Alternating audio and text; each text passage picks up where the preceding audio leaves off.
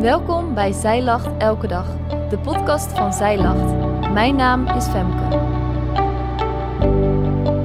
Dit is de overdenking van 8 september, geschreven door schrijfster Teerza Rots. Nadat Jezus de mensen heeft toegesproken vanaf het schip, vaart hij met de discipelen naar de overkant. Onderweg steekt een storm op. De golven slaan zelfs over de rand van het schip. De discipelen zijn vol van angst en roepen Jezus, maar die ligt te slapen. Hoe is zijn reactie op de storm? Een enorme mensenmassa is op de been gekomen om naar Jezus te luisteren.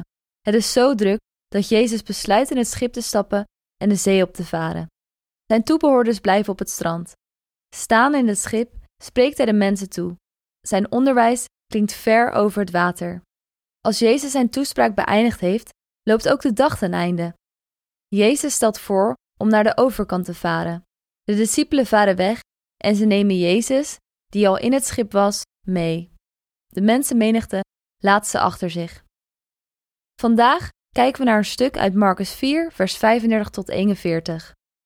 Daarin staat: En op die dag, toen het avond geworden was, zei hij tegen hen: Laten wij overvaren naar de overkant.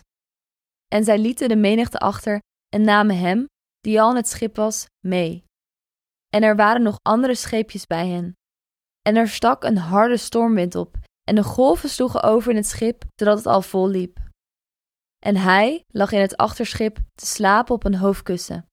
En zij wekte hem en zeiden tegen hem: Meester, bekommert u zich er niet om dat wij vergaan?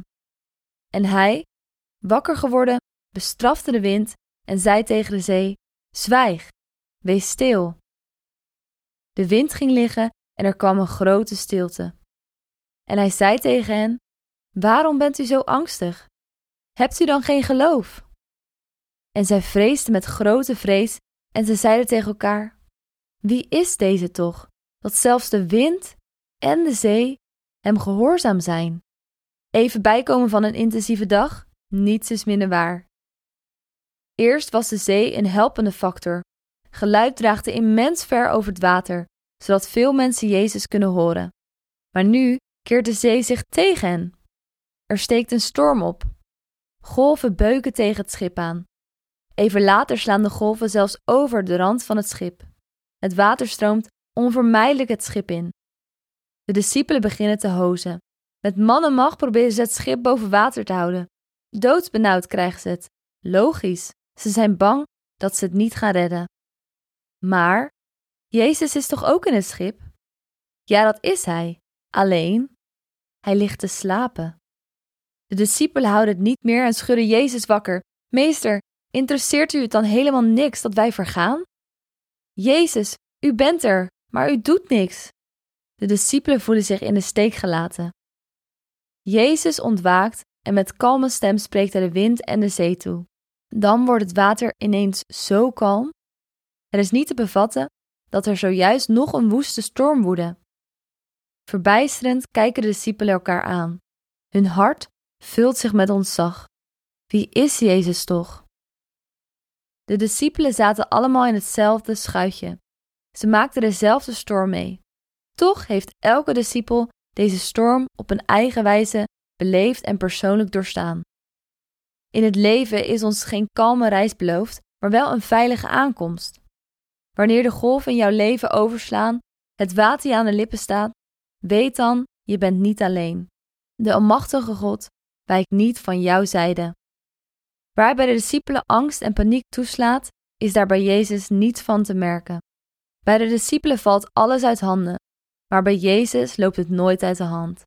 Precies op het kritieke moment spreekt Jezus de storm en de wind toe. Het gewone leven herneemt zijn beloop.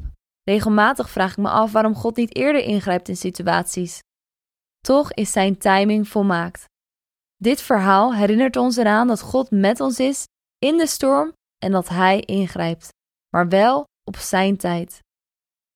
Een storm kan angst oproepen. Een storm kan een sterk gevoel van eenzaamheid met zich meebrengen. Maar stormen geven je ook de kans om God op nieuwe, diepere manieren te leren kennen. Zo ging het ook bij de discipelen in dit verhaal. God is aanwezig in jouw storm. Ik hoop en ik bid dat jij je in of na de storm in jouw leven oprecht mag verwonderen over Gods almacht. God, wie bent u toch?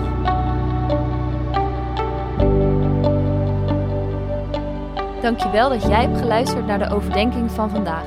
Wil je de overdenking nalezen? Check dan onze website. Je vindt er ook meer toffe dingen die jou helpen om de Bijbel vaker te openen, zoals boeken, Bijbels, cursussen en evenementen. Morgen ben ik weer bij je terug met een nieuwe overdenking. Tot dan!